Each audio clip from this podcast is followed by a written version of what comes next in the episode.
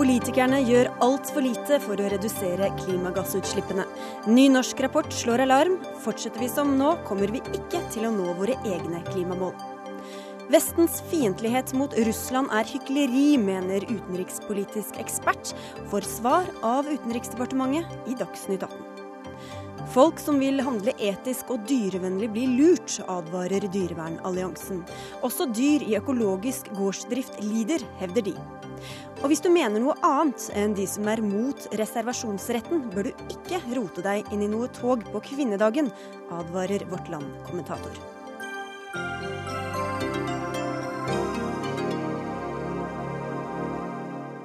Det er noen av sakene i denne ukas siste Dagsnytt 18 på NRK P2 og nrk.no. Jeg heter Sigrid Solund.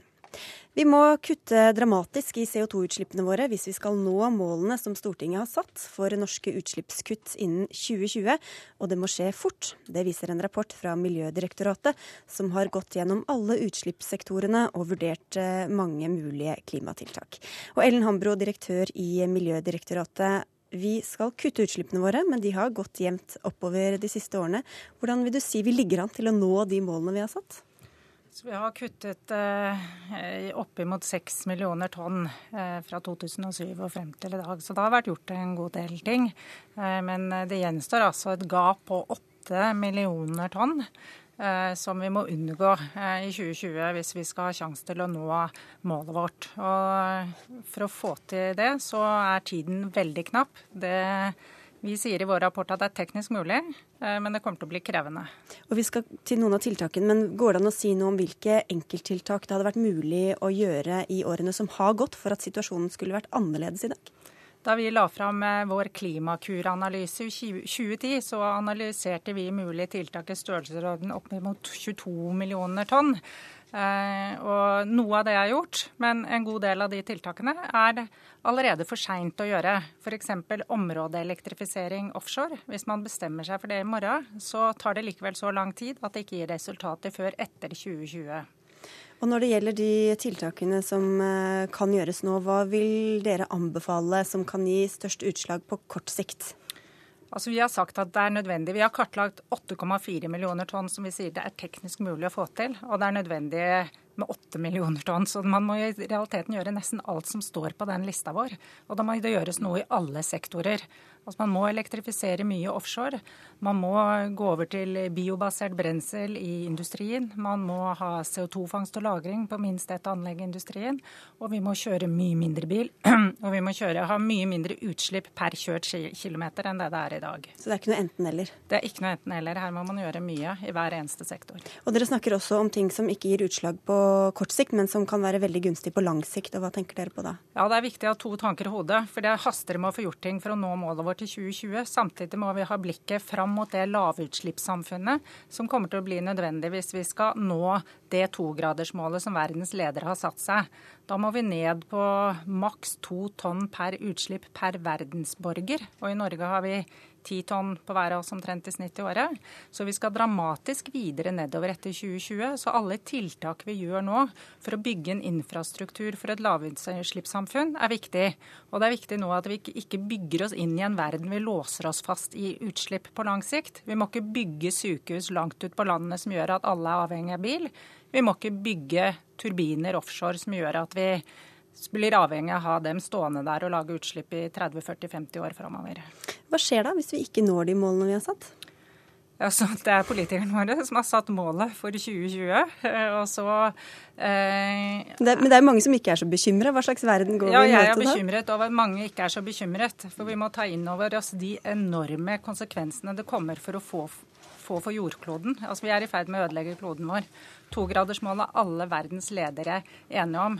Temperaturen må ikke stige mer enn to grader. Eh, hvis ikke så får det store katastrofale konsekvenser. Ikke bare for naturen, men for hele samfunnsstrukturen i hele verden. Så det er ingen tvil om at dette må vi bare få til. Og jo fortere vi starter å gjøre noe, jo mindre vil det koste. For jo dyrere blir det for oss jo lengre vi venter. Mm -hmm. Klima- og miljøvernminister Tine Sundtoft, eh, her hører du at dere kan nesten ikke velge, dere må gjennomføre alt. Kommer dere til å gjennomføre disse tiltakene? Vi ba om å få denne rapporten fra Miljødirektoratet, for vi tenkte at det er viktig nå å få et felles faktagrunnlag for hvor langt unna er vi det nasjonale, det nasjonale målet som Stortinget vedtok. Og jeg tror det er veldig bra at vi har fått denne rapporten. Viser at gapet er større enn vi trodde i fjor høst, bl.a. fordi at Mongstad ble skrinlagt. Rapporten er helt tydelig på at det er mulig å nå det. Men det krever mange tiltak som en må komme raskt i gang med. Men jeg er helt enig med Ellen Hambo. Det viktigste er det langsiktige veien mot lavutslippssamfunnet. Hun sa vel begge deler var viktig? Begge deler er viktig. Eh, som, som eh, Ellen Hambro sa, vi må ha to tanker i hodet samtidig. Rapporten er tydelig. Dette er faktagrunnlaget. Vi mangler åtte millioner tonn nasjonalt. Vi må komme i gang med det, men også ha et langsiktig perspektiv. Og så tilbake til spørsmålet, for dere har sagt at dere ikke bare skal oppfylle, men overoppfylle klimaforliket. Betyr det at dere kommer til å gjennomføre da alle disse tiltakene når det er faktisk det som skal til for å nå det målet? Det viser at gapet er større enn vi trodde i fjor høst. Så det var ganske fornuftig at regjeringen sa at vi skal forsterke klimaforliket. Vi må nå gjøre mer for å klare å nå det som var klimaforlikets mål, om å, nå, om å redusere nasjonale utslipp i størrelsesorden 15-17 tonn. Er det et ja? Jeg sier, Vi eh, jobber på flere områder nå. Vi skal ha en stor klimadugnad også i neste uke. med Halve regjeringen skal være med, sammen med næringslivet, sammen med miljøorganisasjonene. Vi trenger en ny sånn oppvåkning på hva vi må gjøre fram til 2020. Skal, men bare fordi All logikk tilsier jo da at for at man skal nå de målene som dere sier at dere skal eh, ikke bare nå, men overoppfylle, så er dere nødt til å gjennomføre så å si alle disse tiltakene. Har dere noe valg? Eh, vi har eh, noe valg, men eh, vi arbeider nå med Innenfor olje og gass må vi jobbe med elektrifisering. Vi må gjøre mer for å få ned utslippet i veitransporten. Det gjør vi ved å se på avgiftspolitikken. Vi må satse mer på kollektivtrafikk. Vi må gjøre mer i forhold til industrien. Og vi må få karbonfangst og -lagring på det riktige sporet igjen. Bellona-leder Fredrik Hauge, hvilket handlingsrom har egentlig regjeringen nå? Jeg syns uh, Miljødirektoratets rapport er veldig klar. Mm. Uh, og det er en videreføring av det arbeidet som ble gjort i forbindelse med Klimakur for, for å få fram hva koster det.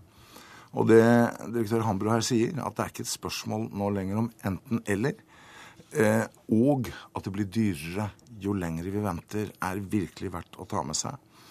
Det er helt avgjørende at Norge klarer å vise substansielle reduksjoner. Eh, Norge er et av verdens rikeste land hvis ikke de rike landene går foran her. Og ja, det er dyrest å være først. Men da har vi ingen mulighet for å få til framtidige internasjonale klimaavtaler. Så ja, det er kort tid til 2020. Det betyr at i snitt skal vi kutte nå 1,3 millioner tonn. Samtidig har Stortinget de siste par-tre årene vedtatt ikke elektrifisere Ekofisk, som skal stå der til kanskje 2050. Vi sitter nå og krangler om Utsira, som bare kanskje blir halv elektrifisering på. Man har skrinlagt CCS, eh, CO2-fangst og -lagring, på Mongstad. Så det er liksom Det er ikke noe spørsmål om vi skal bygge ut kollektivtrafikk eller ha virkemidler for elbil. Her må vi ha begge deler til vi har klart å gjøre jobben. Du nikker, SV, stortingsrepresentant for SV, Heikki Holmås. Men hva, og det haster jo enda mer, fordi dere heller ikke gjorde nok da, da dere satt i regjering? Nei, men vi var den regjeringen som klarte å få utslippene nedover. Men det er ikke noe tvil om at, mye, at det må gjøres mye mer i årene som kommer. Og jeg syns det er viktig å minne, på, minne om to viktige ting. Det ene er at vi faktisk skal til null vi skal faktisk til null, og vi skal til nullutslippssamfunnet. Fordi at eh, det finnes bare begrenset plass til CO2 i verden hvis vi skal klare å stoppe de farlige klimaendringene. Så det er liksom ikke sånn at vi skal kutte litt i Norge, og så er vi liksom i mål. Nei, vi skal hele veien ned til null. For det er det som skal til for å stoppe de farlige klimaendringene. Det andre det er at klimaendringene allerede skjer i dag. Har, altså, vi har hatt en dritt, eh, drittvinter i, eh, i, Oslo med regn som, eh, som, ligner mer om der jeg kommer fra, i Bergen. Men det mer alvorlige er jo at du har hatt rekordlav polis i flere år, og du har hatt mennesker som har, flere tusen mennesker som døde på Filippinene i historien. Den sterkeste stormen som noen gang finnes. Og det, da blir det for smått hvis vi ikke i Norge klarer å si vi skal kutte alle de utslippene vi, som vi har planlagt å kutte, for vi skal ned på null. Og her savner jeg én ting fra regjeringen. Og det er en klar og konkret plan som viser hvordan man kommer i mål for å nå det utslippsreduksjonene, som er 7 millioner tonn, 7-9 mm. millioner tonn i forhold til, eh, i forhold til der vi, vi, ligger i dag. det er helt vi, nødvendig. Ja, Da kan vi høre med Tine Sundtoft, som faktisk sitter her. når, når, får vi vite hva regjeringen vil gjøre for å nå de målene dere har satt? Vi har sagt i Stortinget at vi kommer tilbake i revidert nasjonalbudsjett når det gjelder de internasjonale forpliktelsene våre. Så må vi komme tilbake i statsbudsjettet for 2015 for å sette mål for dette. Men nå er det vi, det er denne regjeringen, som har bedt om en ordentlig rapport, en statusrapport, for å se hvor langt unna er vi målet. Så jeg tror dette er en bra vekker for hva vi må gjøre. Og Du nevnte det internasjonale, og så sier Fredrik Hauge at det er viktig at vi går foran. Hvor eh, viktig er det for dere å holde dere til dette to tredelsmålet, altså at to tredjedeler av kuttene faktisk skal skje innenlands? Jeg tror det er veldig viktig at vi foretar nasjonale kutt for å beholde også troverdigheten internasjonalt. Og vi har det langsiktige målet om nullutslippssamfunnet, så vi må tenke langsiktig. Og nå ser vi at gapet har økt fordi at en skrinla Mongstad. Så det viser hvordan politikkområdene henger sammen. Derfor må vi nå gjøre mer mer på andre områder. Men problemet, problemet, her Tine Sundtoft, er jo følgende. Det er at Dere skyver på planene for å komme i gang med utslippsreduksjonene, mens dere vedtar hele tiden en haug med ting fra regjeringens side som øker utslippene. Dere har satt ny rekord i tildeling av nye oljefelter gjennom den TFO-ordningen som finnes.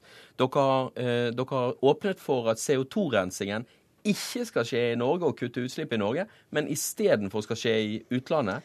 Dere har i tillegg sett, sittet stille og sett på nå at uh, biltrafikken øker i de største byene i Norge. Og jeg har ikke hørt et pip fra samferdselsministeren om at han har tenkt å kutte i biltrafikken og få opp kollektivtrafikken. Og nå skal dere begynne budsjettforhandlinger på mandag, og veldig mange av de tingene Heikki Holmås eh, nevner, ligger jo til andre statsråder. Hvor mye gjennomslag du, får du der?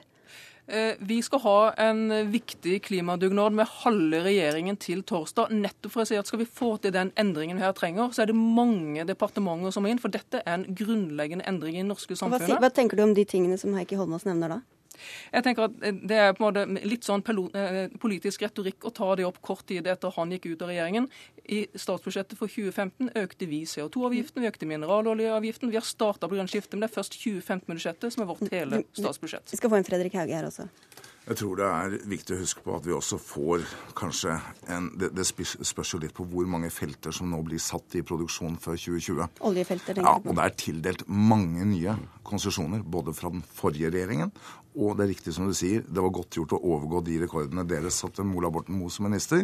Eh, men det som er nå, og som den forrige delen av klimameldingen manglet, det er jo virkemidler som virker. Og jeg er opptatt, og jeg har et håp om at denne regjeringen har en bedre forståelse av hva det er som skal til for at næringslivet skal kunne gjøre jobben. Ta en bedrift som, som Yara i den sammenhengen her, som altså står for over en million i, i mulige kutt, og, og, som har gjort en kjempejobb. De må ha forutsigbarhet. Så vi må altså nå ikke få en ny diskusjon om målsetninger. Vi må få en diskusjon om politikk, om industripolitikk, hvor vi samtidig forstår at vi skal beholde aluminiumsindustrien fordi vi trenger aluminium til alle solcellene verden trenger. Vi trenger stål til alle vindmøllene. Vi trenger gjødsel til all bioenergien. Men det er den konkurranseutsatte industrien. Og det betyr at fossilnæringen, olje- og gassnæringen i Norge, må få mye strengere krav til utslipp. Og det er også veldig viktig. Denne rapporten fastslår at kvotesystemet og kvotepris ikke alene er nok. Og det betyr at vi må begynne å diskutere krav, det vi kaller hvor mye CO2 per kWt får vi lov til å slippe ut. Jeg er helt enig. Og her igjen så savner jeg fra klimaministeren Hun kommer ikke med noe som helst løfter om når det kommer en plan for å komme i mål. Fordi at uh, Det viktige her er å se på hva skal vi gjøre. Hvordan skal vi sørge for å trappe ned utslippene for oljeindustrien og trappe ned oljeproduksjonen når de tildeler rekordmye eh, nye oljeplattformer, og la være å følge opp det som er et enstemmig stortingsvedtak som sier at vi skal ha elektrifisering av Utsirafeltet. Hvordan kommer man i mål i det når man ikke er villig til å legge frem et budsjett som sier man har tenkt å komme? Og det kan du få lov å avslutte denne runden med, Tine Sundtoft. Regjeringen arbeider med å få til eh, elektrifisering. Nå har Statoil nå levert sitt program for konsekvensutredning. Hvor god tid har dere på dere da, når du hører hva Ellen Hambrud sa i stad? Det haster, sier hun. Jeg sier at det haster, men jeg sier at det er først 2015-budsjettet vi har full styring på. Vi gjorde noe i 2014-budsjettet. Vi er opptatt av å få til endringer. Vi involverer nå halve regjeringa i dette arbeidet. De har ingen Var det ikke hele regjeringa som skulle være Jo, men i den klimadugnaden til uka, nettopp for å se på breie virkemidler for å få til den endringen. Men det blir jo litt komisk av Ali, da, når vi sier klimaforliket, altså når du sier klimaforliket står fast, vi skal forsterke klimaforliket, mens alle de avgjørelser som tas, de fører til økte klimautslipp i årene som kommer. Det kan, det kan minne litt om forrige regjeringen. det får bli den avsluttende kommentaren. Takk skal dere ha for at dere kom til Dagsnytt 18, og hjertelig velkommen tilbake når dere har noe mer håndfast å legge fram, Tine Sundtoft. Takk også til Heikki Holmås fra SV, til Fredrik Hauge og til Ellen Hambro fra Miljødirektoratet. Dagsnytt 18 alle hverdager klokka 18.00 på NRK P2 og NRK2.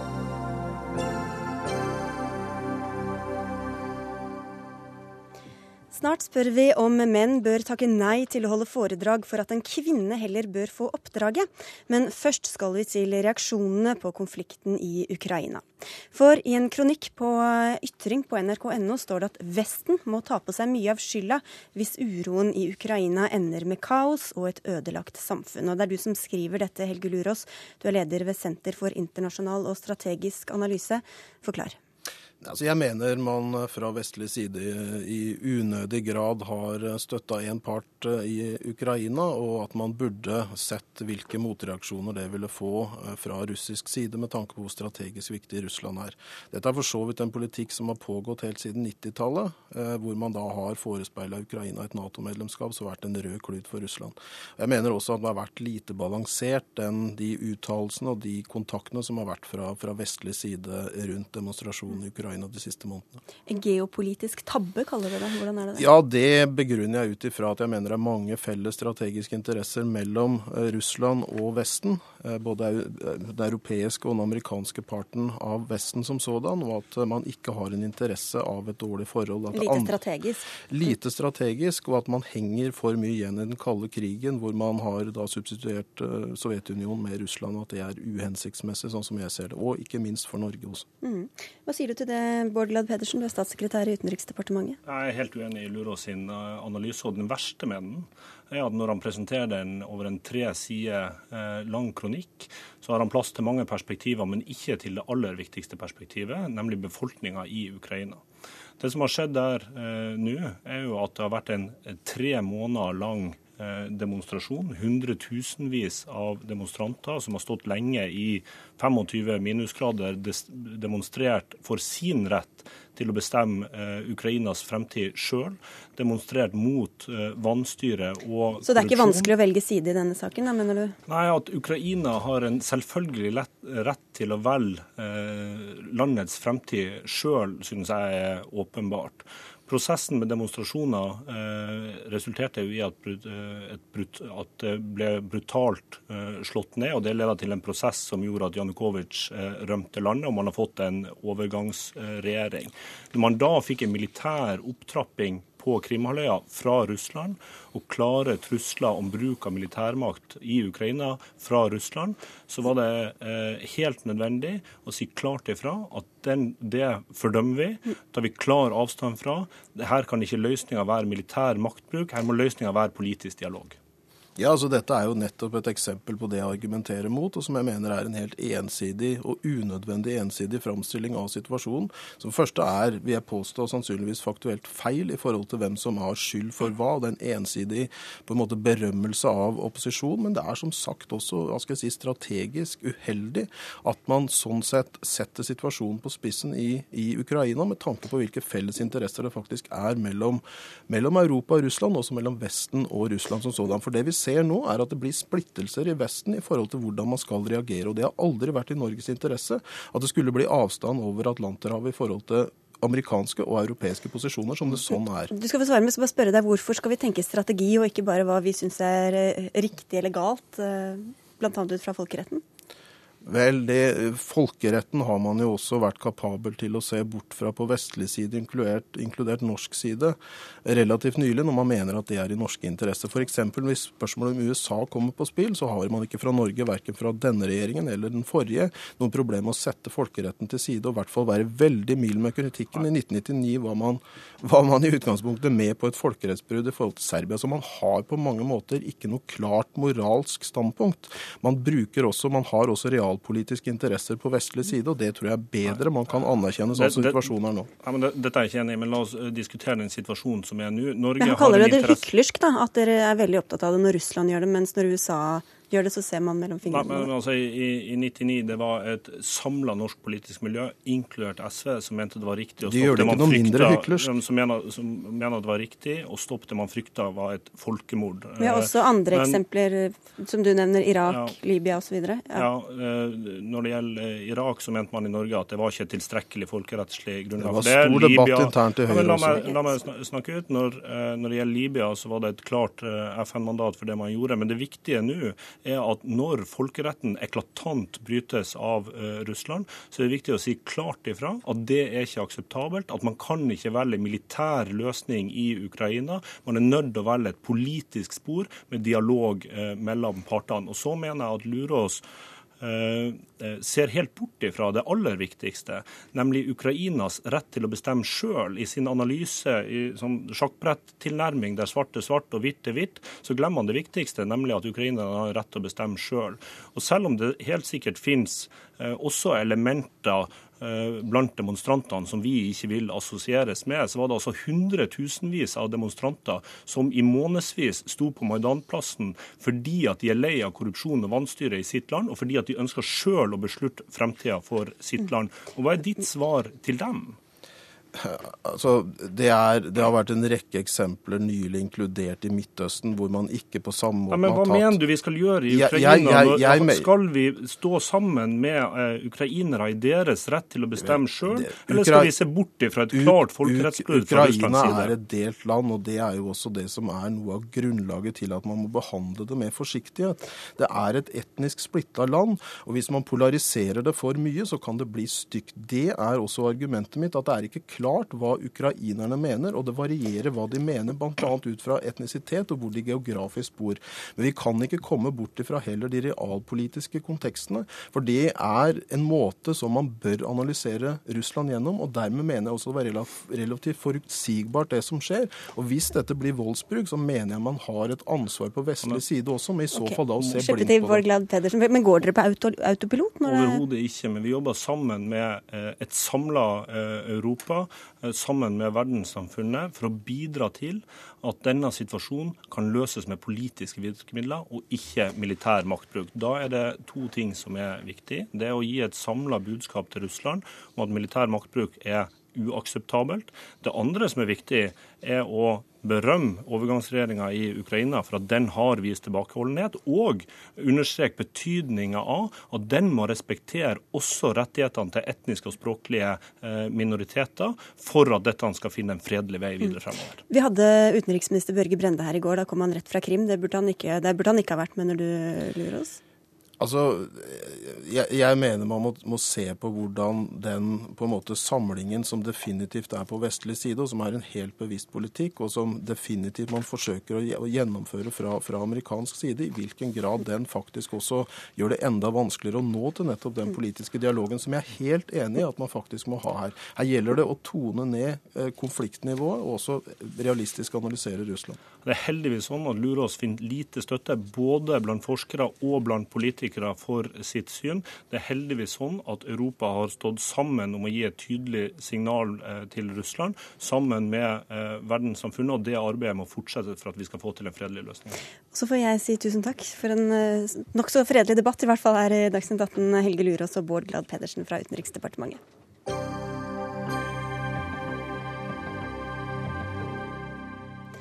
Kampanjen Takk nei ber eh, norske menn si nei til å holde tale på en konferanse hvis det ikke er noen kvinner blant de andre i panelet eller som holder foredrag. Damene bak kampanjen skriver i en kommentar på NRK Ytring at de mener konferansearrangører er for fantasiløse når de leter etter foredragsholdere. Og Benja Marianne Stig Fageland, du er administrerende direktør for Women's Speakers. Hva fikk dere til å sette i gang denne kampanjen? Øh, det var rett og slett en reaksjon på at øh, vi er ganske så mange som øh, ble litt lei av å stå på diverse konferanser og paneldebatter og være eneste kvinne. Og vi rett og slett følte at vi hadde et ansvar for å få enda flere mangfoldige stemmer opp og fram. Hva mister publikum da, som er på sånne konferanser, når det er bare menn der? Altså Det som vi mister, det er jo et realistisk bilde av den verden som vi lever i. Og vi ønsker rett og slett at konferanser og paneldebatter skal avspeile den virkeligheten som vi lever i.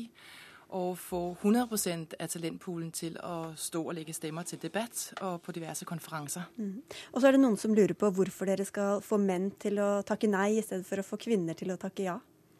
Nej, det ene utelukker ikke det andet. Altså Kampagnen hedder Tak Nej, øh, som er en avledning av en svensk kampanje, hvor at tre øh, profilerte svenske mannlige foredragsholdere startet kampanjen.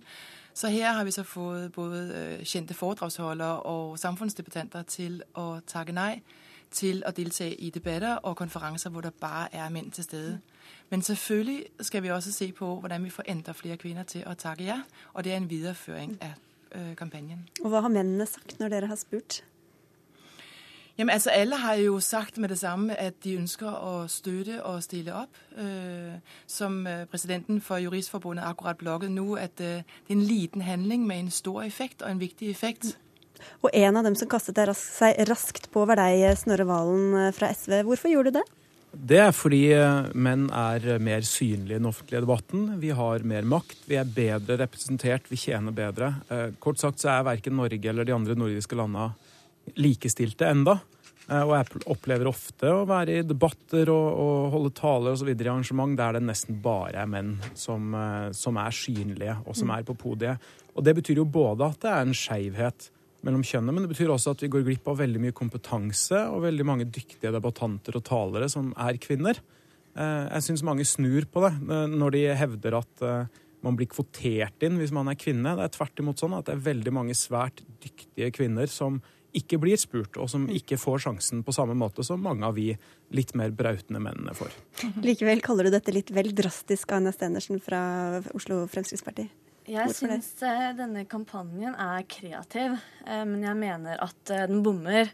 For det første så er det sånn at man her gir da mennene makten, sånn at mennene må gi fra seg en posisjon, eh, og sånn at kvinnen da automatisk på en måte blir den underlegne. Eh, og jeg tror at jeg like så gjerne over Snorre Valen kunne blitt valgt frivillig eh, til å delta i en paneldebatt. Jeg tror ikke at han får den kun fordi at han er, er en mann. Eh, og så mener jeg også at eh, det man ser òg, er at kvinnene er færre også. Det er færre å ta av. Eh, og det er flere som også takker nei til å delta. Eh, la oss ta de BI næringslivsdagene. Eh, de hadde spurt en rekke kvinner om de hadde lyst til å være med og delta, men det var mange som ikke hadde muligheten. De har hatt kvinnelige foredragsholdere tidligere, men blir nå uttenkt for å ikke ta med kvinner. Og det syns jeg er litt sånn ubehagelig, fordi som kvinne så har ikke jeg lyst til å få muligheter bare fordi jeg er født som en kvinne, men jeg har lyst til å få det fordi jeg er dyktig. Og så har jeg ikke lyst til at en mann skal liksom gi opp konferanseplassen sin og liksom si ja, vær så god, fordi du er kvinne, så skal du få den av meg. Mm. Fordi jeg skal ha den uansett. Ja, Snorre Valen? Ja, altså jeg skjønte ikke helt at det skulle være flere menn enn kvinner i samfunnet. Det er jo omvendt. Eh, det er flere kvinner som tar høyere utdanning på universitetene, men det er fortsatt flere menn som er professorer. Og med Stenersens logikk så skulle det jo ikke vært noe diskriminering i Norge. For det er faktisk sånn Aina Stenersen, at jeg blir oftere spurt enn deg til å delta i debatter fordi jeg er mann. Eh, Hvordan vet du at det er fordi du er mann, da? Fordi eh, Hvis ikke så må det jo bety at kvinner er dårligere politikere, dårligere næringslivsledere og dårligere debattanter enn menn i Dagsnytt 18. Og det tror ikke jeg noe på. Jeg tror det er andre strukturer og mekanismer i samfunnet som gjør at det er flest menn som er på besøk hos dere i Dagsnytt 18, som gjør at det er flest menn som har maktposisjoner i samfunnet. Ja, og det skal dere ha all ære for. Men, men, altså, og det er riktig at ja. mange kvinner ofte sier nei, men det er jo også fordi vi behandles forskjellig fra barnsbein av. Vi menn vi oppfordres til å ta mer plass i ung alder enn det kvinner gjør. Eh, og da må vi også gjøre vår skjerv for å sørge for at vi er likestilt også i det offentlige rom og i, og i debatten. Men må høre med deg, Anne Stenersen, Ser du på det som et problem at det er mange flere menn som er ute i det offentlige på konferanser og i mediene? Eh, for det første så syns jeg det er veldig frekt av Snorre Valen å tro at, eh, at, han blir mer invitert fordi at han er, er, en mann. Jeg tror ikke det er sånn. Jeg tror at man blir invitert på de feltene man er synlig på, og der man er tøff å stå på. Men man blir vel ikke synlig med mindre man faktisk blir henta inn på et jo, eller annet tidspunkt? Jo, det blir man. Jeg har aldri blitt hentet inn, og jeg er synlig. Eh, så er det også sånn at eh, man velger forskjellig også i utgangspunktet. Det ser man allerede på videregående. Der er det mange kvinner som velger helsefag, og så er det menn som velger yrkesfag. Og det er ikke nødvendig noe negativt. Men så blir det veldig smart, svartmalt også, fordi vi har en kvinnelig finansminister, vi har en kvinnelig statsminister. Begge lederne i de største arbeidsorganisasjonene i Norge er kvinner. Men du svarte ikke på det jeg spurte om. Er det et problem hvis det er sånn at ni av ti foredragsholdere f.eks. For er menn? Ser du på det som et problem?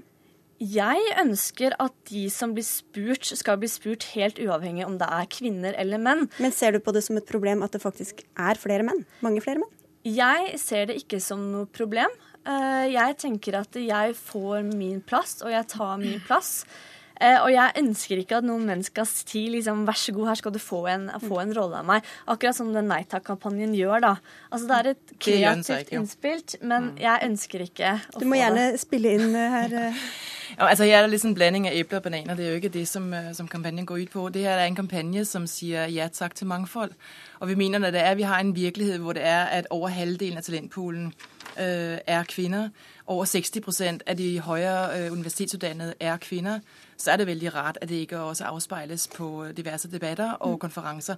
Og så er det faktisk sånn at vi som blir spurt, og jeg holder en del foredrag både internasjonalt og nasjonalt, da kan vi enten velge å stå og steppe alene på scenen og så synes at dette er veldig bra, eller så kan vi faktisk ta det ansvaret og si nei, nå må jeg faktisk sikre at enda flere kvinner også får brukt deres stemme. For det handler om å fremme den mangfoldige stemmen, og i dag er det veldig mye innfold å høre, og det er litt trist. Vi må høre deg, med deg, Snorre Valen. Hvis det er sånn at du sier nei takk for at de skal hanke inn noen som, som da føler seg som et slags sånn kvinnelig gissel, hva, hva tror du om det? de blir jo ikke noe kvinnelig gissel. Og det å ta utgangspunkt i at de kvinnene som skulle anbefales, er dårligere kvalifisert enn det meg og andre menn er. Ofte er det jo omvendt. Altså Den som kan mest om internasjonale spørsmål i SV-apparatet sentralt, f.eks. Og etter Mona Wærnes, som er internasjonal leder i SV.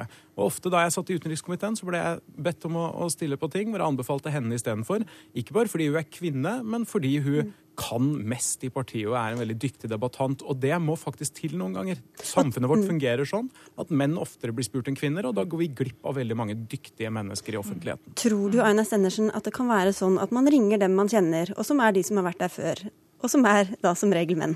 Altså, Jeg tror ikke det er så svart-hvitt som det bildet som blir malt opp her. Eh, det ser man både på BI Næringslivsdagene, som har spurt kvinner, eh, og så sier også debattredaktøren i NRK, Halvor Finnsnes, at han også ønsker å få flere kvinner inn, og spør mange, men at det ikke alltid lar seg gjøre.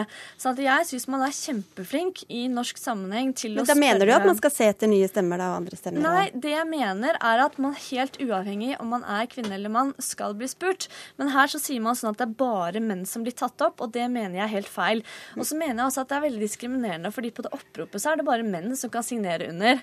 Bare menn kan gi fra seg sin plass. Bare menn som står med plakater og sier at nå må vi la kvinner få komme. Det er menn i Sverige som har dratt opp den kampanjen, og det er menn som viderefører den. Og jeg blir litt sånn det gjør meg beklemt, da.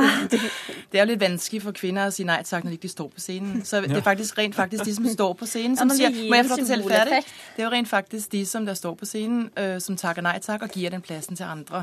Vi må også takke han om, jeg må høre med deg, øh, Snorre Valen. Du blir jo oppringt av oss øh, støtt og stadig. I dag hadde du to kvinnelige motdebattanter, men kommer du til å spørre etter kjønnsbalansen neste gang Dagsnytt 18 ringer? Ja, og det har jeg gjort tidligere hos dere også, hvis du sjekker litt med researcherne dine. Oh, takk skal du ha. Og meg kan du velge fordi jeg er best. Selvtilliten var i hvert fall på topp. Takk skal dere ha, Aina Stenersen fra, fra, SV, holdt jeg på å si, fra Fremskrittspartiet. Benja Marianne Stig Fageland, og til deg, Snorre Valen fra SV. Takk.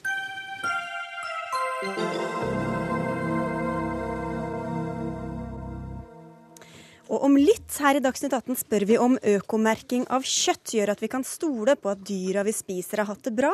Det mener nemlig ikke Dyrevernalliansen at vi kan. Men før det skal vi til noe som skjedde onsdag denne uka. Da vedtok nemlig Oslo bystyre å politianmelde partilederen for Rødt, Bjørnar Moxnes. I januar publiserte partiet en rapport om den såkalte Lindeberg-saken på hjemmesida si. Rapporten var unntatt offentlighet, og bystyret mener publiseringa er et brudd på taushetsplikten. Og dette har gjort deg opprørt, eh, Bjørnar Moxnes? Ja, det var jo en spesiell opplevelse. Altså, det gikk jo opp, da, én etter én. Eh, fra Høyre, eh, Arbeiderpartiet, Venstre, eh, KrF, Frp og av alle De grønne. Og sa i veldig fordømmende ordelag hvorfor dette jeg skulle politianmeldes. Jeg kunne jo ikke svare på det, for jeg var jo det samme flertallet som politianmeldte meg, erklært inhabil. Jeg klart jeg ble litt eh, matt den kvelden, men nå er jeg først og fremst irritert. Mm. For det som har skjedd her, det er, det er følgende. Det er at eh, toppledelsen i Oslo kommune, helt opp til altså eldrebyråden og byrådslederen, har gjort alvorlige feil i håndteringa av påstand om seksuelle overgrep mot pasienter For vi på må bare inn på sykehjem. den, den Lindeberg. Ja. Altså, du må fortelle hva er det så helt Det som har skjedd er at Jeg har gjort alvorlige feil eh, når det har kommet påstander om overgrep mot pasienter på Lindeberg omsorgssenter i Oslo. Og de feilene de er i detalj blitt beskrevet i rapporten som altså ble unntatt offentlighet. Så de samme partiene har holdt detaljene skjult for innbyggerne, eh, trolig også i strid med offentlighetsloven. Vi har gjort dette tilgjengelig for Oslos innbyggere. Og det som jeg syns er forståelig, er at dette er veldig ubehagelig for både Høyre og KrF. Det som er uforståelig, er at i en sak hvor det har vært mange lov- og regelbrudd, når da først flertallet velger å handle, går det så til politianmeldelse av den personen som gjør informasjonen tilgjengelig for Oslos innbyggere. Det syns jeg er mildt sagt ganske spesielt. For her var det altså en som ble beskyldt for å gjøre noe som han senere ble, ble renvasket Ja, for, for og mistet jobben osv. Ja, eh, vi har også invitert ordfører Fabian Stang. Han kunne ikke komme, men eh, velkommen til deg, Øystein Sundelin. Du er gruppeleder for Høyres bystyregruppe i Oslo. Eh, Og du stemte for å anmelde Moxnes. Hvorfor gjorde du det? Her er det en debatt eh, Moxnes ønsker å ha, og så er det en debatt som var den bystyret hadde på onsdag. Den debatten vi hadde på onsdag, og den konklusjonen vi tok, var på bakgrunn av at eh, Moxnes publiserte opplysninger i en rapport som kommunerevisjonen, bystyrets eget kontrollorgan, kontrollutvalget, kommuneadvokaten og fylkesmannen mente at ikke skulle ut i offentligheten. Og hvorfor det? Jo, fordi der var det opplysninger som var eh, om enkelte pasienters helsetilstand, nærmest journal, helse- og pasientjournalene deres. Altså eh, var skrevet. opplysninger som Sensitive opplysninger, som kommuneadvokaten da sier at man kan identifisere disse personene og deres helseopplysninger. Og eh, Jeg vil ikke dra programlederen inn i debatten, men dere kunne jo innledet denne debatten med å lese hva Moxnes publiserte på Rødt sine sider. Og Det tror jeg ikke dere gjorde, og jeg tror ikke NRK gjorde det nå i dag. Eh, har lest opp dette. Ingen andre har lest opp eller skrevet det i løpet av disse dagene heller, forresten. Nettopp fordi det ville hatt et problem med Vær varsom-plakater. Men, men jeg må bare spørre deg også, for du, nå nevnte du noen instanser. Men det er jo også eh, professor i offentlig rett, Jan Fridtjof Bernt. Eh, Han kunne ikke komme til oss, men han har gått gjennom saken og støtter Moxnes. Det samme gjør Arne Jensen, i generalsekretæren i Norsk redaktørforening. Hvorfor vet dere bedre enn disse? Det er ikke sikkert jeg vet bedre, og derfor har vi nå overlatt denne saken til politiet. Men jeg hører i hvert fall på kommunerevisjonen, og så har jeg hørt på kontrollutvalg, og så har jeg hørt på kommuneadvokaten, og så har jeg hørt på fylkesmannen. Og alle disse mener at Rødt har publisert taushetsbelagte opplysninger. Som, uh... Og jeg synes det er ganske ufint, Moxnes, ovenfor de menneskene som har fått sine helseopplysninger trykket ut på din blogg eller på din hjemmeside. Er, eh, jeg synes ikke det er heldig er overfor de stakkars stakkars menneskene som har fått Helt disse utrolig. Altså Her har vi en sak der det er avdekket en omfattende svikt i alle ledd i Oslo kommune, som Høyre er ansvarlig for. Et, eh, et eh, to års langt mareritt for en uskyldig hjelpepleier som ble anklaget for voldtekt, og hvor kommunen gikk til anmeldelse og ba om tiltale uten å ha undersøkt saken grundig, og elendig ivaretakelse av pasientene på sykehjemmet. Så dytter altså Høyre pasientene foran seg når de skal hemmeligholde det som viser Høyres svikt i alle ledd i saken. Det er ganske utrolig. Men hvorfor kunne dere ikke sladde mer da, og fortsatt jo, vise det, det, er viktig, det er et viktig poeng. For at vi har forholdt oss strengt til offentligloven, sånn som både Gunnar Bodal Johansen, Arne eh, Jensen og Fridtjof Bernt eh, er helt enige om. Alt er sladdet det som kan identifisere pasientene. Men jeg har eksempel på hva som kommer fram i det som vi har nå gjort synlig. Kommunen hevdet at denne pasienten det var snakk om, hadde anklaget eh, Stig Berntsen, hjelpepleieren, for voldtekt.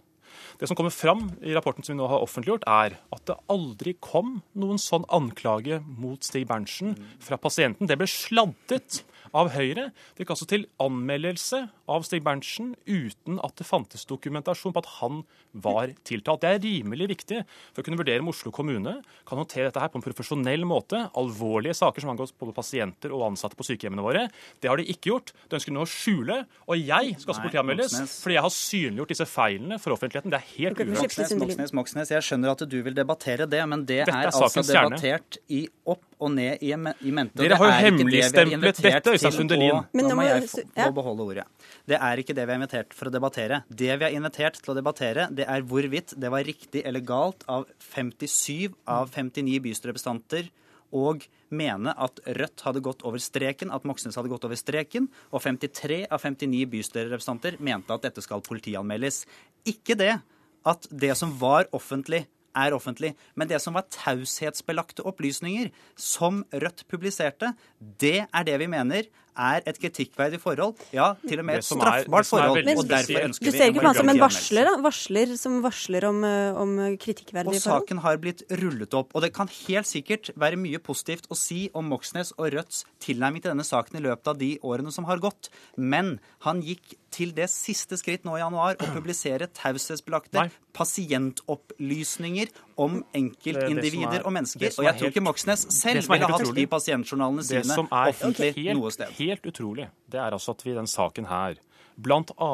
har hatt en byrådsleder og en eldrebyråd som i en pressemelding har plantet mistanke om drap på en pasient på Lindeberg omsorgssenter ja, men... uten konsekvenser for de involverte i den saken der. Vi har også en sak måtte hvor... Dere, måtte dere publisere alt dette for å vise det?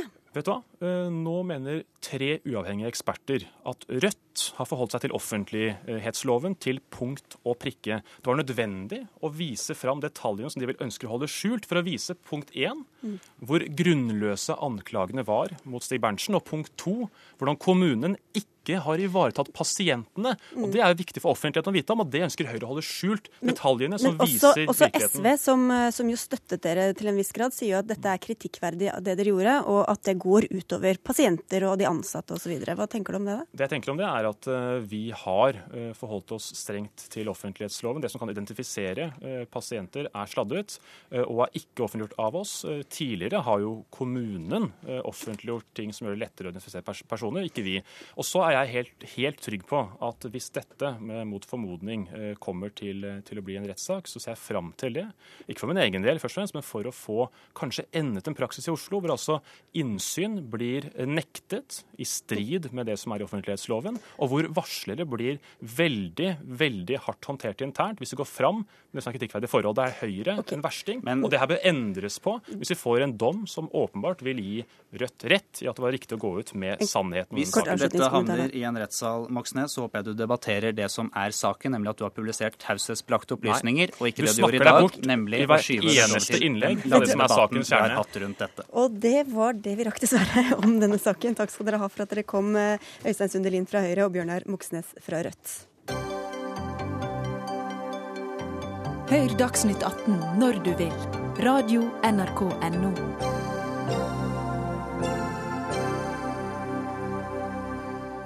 Mange forbrukere handler økologisk mat for å sikre god dyrevelferd. Men de holdes for narr, eh, mener Dyrevernalliansen, som eh, sier kravene til økologiske bønder er blitt eh, lavere, og nå melder de seg ut av Debio-samarbeidet, som kontrollerer og godkjenner økologiske produksjoner i Norge. Og Marianne Kule, du er fagleder i Dyrevernalliansen. Hva var det som fikk dere til å melde dere ut av dette samarbeidet?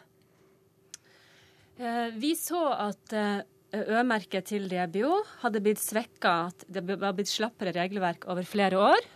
Og da meldte vi oss inn for å prøve å se om vi kunne bedre det. Ja, dere gjorde det for noen år siden? Ja, for mm. fem år siden gjorde vi det. Og nå har vi stått på i fem år og opplever at vi er kjerringa mot strømmen. Det er ikke vilje til det. Det er Landbruksdepartementet som i praksis sitter på pengesekken her, og de ønsker ikke strengere regler. Hva slags liv har de levd, de dyra som da ender opp i en pakke med Ø-merke på? Mm. Det er et godt stykke mellom glansbildet i reklamen og det du som forbruker faktisk får når du kjøper økologisk merka kjøtt i butikken. Eh, noen dyr har det bra, andre ikke. Det som er sikkert, er at Ø-merket til Debio ikke er noen garanti for bedre dyrevelferd. Mm. Forbrukerne blir lurt.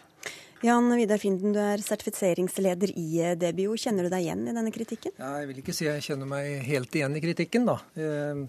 Vi gjør så godt vi, vi kan, og eh, tillit til merket, den, eh, den, er viktig for oss.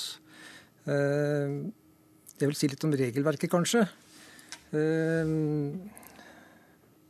Vi har et regelverk i Norge som tidligere var Debio-regelverket, som nå er erstatta en EU-forordning, en økologiforskrift fra 2005.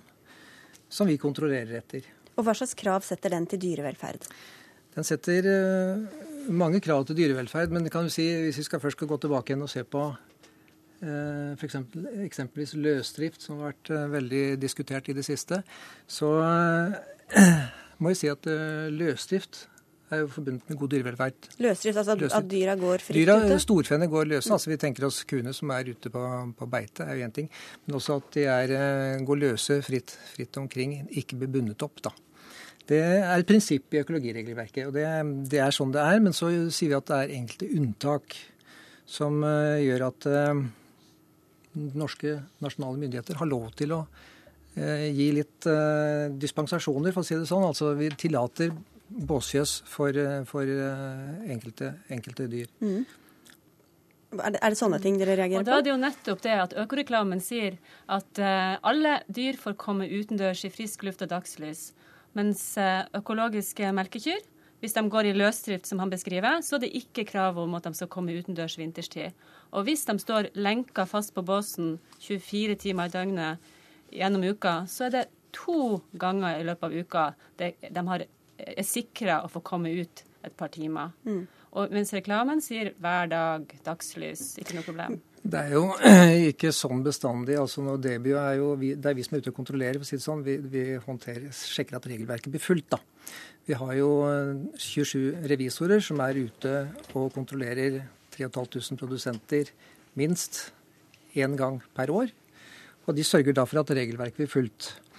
Når du sier det med, med, med, med, lufting, så er det jo sånn at eh, det er vel tillatt å lufte mer enn det som, som, regelverket setter som en minimumskrav. Og det er to ganger per uke. Det, det har du rett i. Men, men tror du at... Men også, også, en ting til jeg vil si. Når vi snakker om båsfjøs her, så uh, gjør jo vi også undersøkelser på det. Og vi ser jo det at det, de aller, eller det, det er flere som i dag går over til løsdrift. Så vi har gjort en statistikk på det, og over 60% av våre produsenter, melkeprodusenter har faktisk eh, løsdrift. Men vil du si at dyra har det så bra som det vi tenker som forbrukere at de har hatt det? Vanskelig å si hvordan dere tenker som forbrukere. Vi tror at de er lykkelige og går ut på gresset ja, og koser hele, hele, sommeren skal de ut på beite, og det er klart et fortrinn som, eh, som økologiske dyr har. De er ute og beiter eh, gress på sommertid. Vi vil poengtere at økolandbruk er bra, og det finnes mange dyktige økologiske bønder og vanlige bønder. Men nå snakker vi om en merkeordning her, og da er jo hele poenget at bonden skal være sikra å få mer betalt for produktet ved at det kommuniseres gjennom merket, og forbrukeren skal kunne forstå hva han faktisk kjøper. Eh, sånn at eh, når økomerket ikke løfter fram eh, og hjelper de bønder som faktisk satser på dyrevelferd, så fungerer den ikke. Men er, er, det regelverket som ikke er strengt nok, er det, eller er det mm. håndhevingen av det? Nettopp. Det er reglene som Det blir å gjøre en god jobb på kontroll, det er ikke det det står på. Um, Regelverket er bundet til minimumskravene i forordninga, som uh, du påpeker. Mm.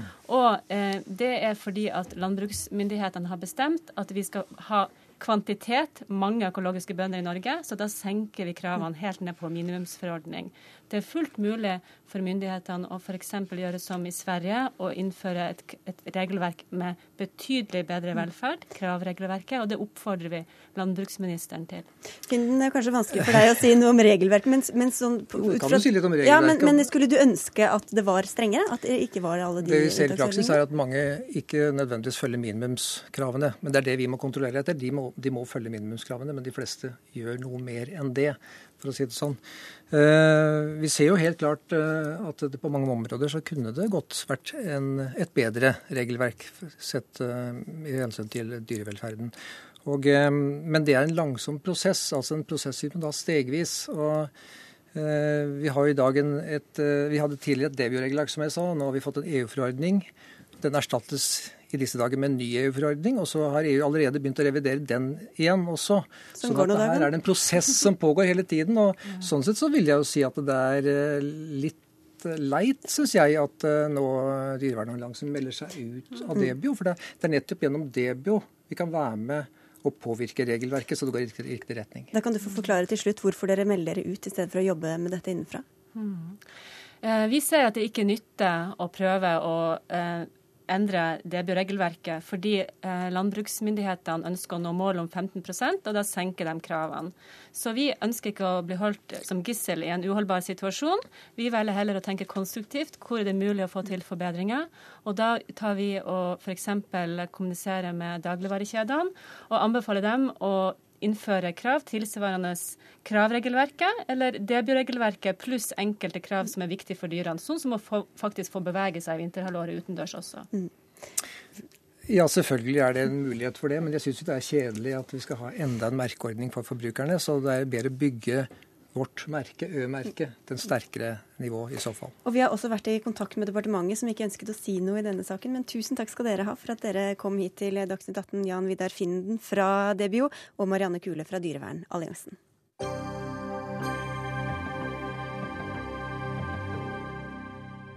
Mange spår at den omstridte reservasjonsretten vil føre flere kvinner enn på lenge ut i gatene og inn i 8. mars-tog på kvinnedagen i morgen. Men hvis du mener noe annet enn de som bærer reservasjonsrettparolen, bør du ikke rote deg inn i noe tog. Det skriver du i Vårt Land i dag, utviklingsredaktør Åshild Mathisen. Og hvorfor denne advarselen? Jo, altså jeg har skrevet mye varmt om eh, den norske solidariteten og fellesskapet, og det setter jeg veldig stor pris på. Det er en veldig viktig verdi. Eh, så er det sånn at eh, nedsida ved, ved dette, eh, det er at vi blir et veldig konformt folkeslag. Faktisk kanskje det mest konforme i hele verden. Forskning viser at det er på en måte oss og Sør-Korea og Pakistan som ligger på topp når det gjelder å ha strenge normer for atferd og harde sanksjoner mot de som avviker fra, fra, det som er på en måte det store kollektivet. Det er ikke lov å mene noe annet? Det er ikke lov å mene noe annet. Og det, det på en måte kjenner, jeg litt på i denne reservasjonsdebatten. Og for å sitere da en klok kvinne, Gunhild Lem, som jo virkelig har hatt noen harde oppgjør med kristenfolket, som sier at eh, i år er parolen egentlig at ingen får lov å være uenig, og ingen får ha en annen samvittighet enn den vedtatte. Mm. Eh, så det er på en måte mitt, eh, mitt forsøk da med den kommentaren var å nyansere reservasjonsdebatten og vise at det finnes noen mellomposisjoner og noen nyanserte ståsteder. Og hva slags reaksjoner har du fått etter at eh, den ble publisert? Ja, altså, for det første så skrev jeg den på grunnlag av eh, at mange har skrevet i Vårt Land om dette, som kaller seg feminister, og som sier de til og med for selvbestemt eh, abort, men som ønsker rom for etiske refleksjoner. Da jeg hadde skrevet denne kommentaren, så fikk jeg mye tilbakemeldinger, også interessant nok fra folk som eh, f.eks. ikke ville gå inn i noen diskusjon på Facebook fordi de ikke orka belastninga ved å si hva de mente. Og dette er folk som på en måte har høy universitetsgrad, er redaktører i andre medier og kommentatorer, som altså rett og slett ikke tør å delta i debatten. Og vi skal ikke gjøre dette til en debatt for eller mot reservasjonsrett, men uh, stortingsrepresentant for Arbeiderpartiet Jette Christensen, du er en av dem som skal gå i tog i morgen og protestere mot denne reservasjonsretten. Men hva syns du eh, om at noen da ikke tør å si hva de mener fordi de opplever det som for belastende? Først vil jeg si at jeg syns at eh, når man leser den kronikken, eh, så blir det skissert litt underlig i lag. For det virker som om de som er for reservasjonsrett, er marginalisert. Men tvert imot så er jo maktforholdet ganske annerledes. For er du for reservasjonsretten, så har du fått viljen din, for det første. Du har regjeringen på lag, statsministeren på lag, Legeforeningen er på lag. Da er du enig med Dagrun Eriksen, som ikke tar fem øre og en heidevegg for å si at de som er uenige med henne og regjeringen, er egoistiske. Vi trenger ikke å dra inn alle andre personer her. Jo, og, og, og, og har pinlig oppførsel. Kvinner har prøvd å påvirke denne situasjonen her. Eh, det er tusen kvinner som har sendt e-post til stortingsrepresentanter som har fått beskjed om at de ikke kan oppføre seg.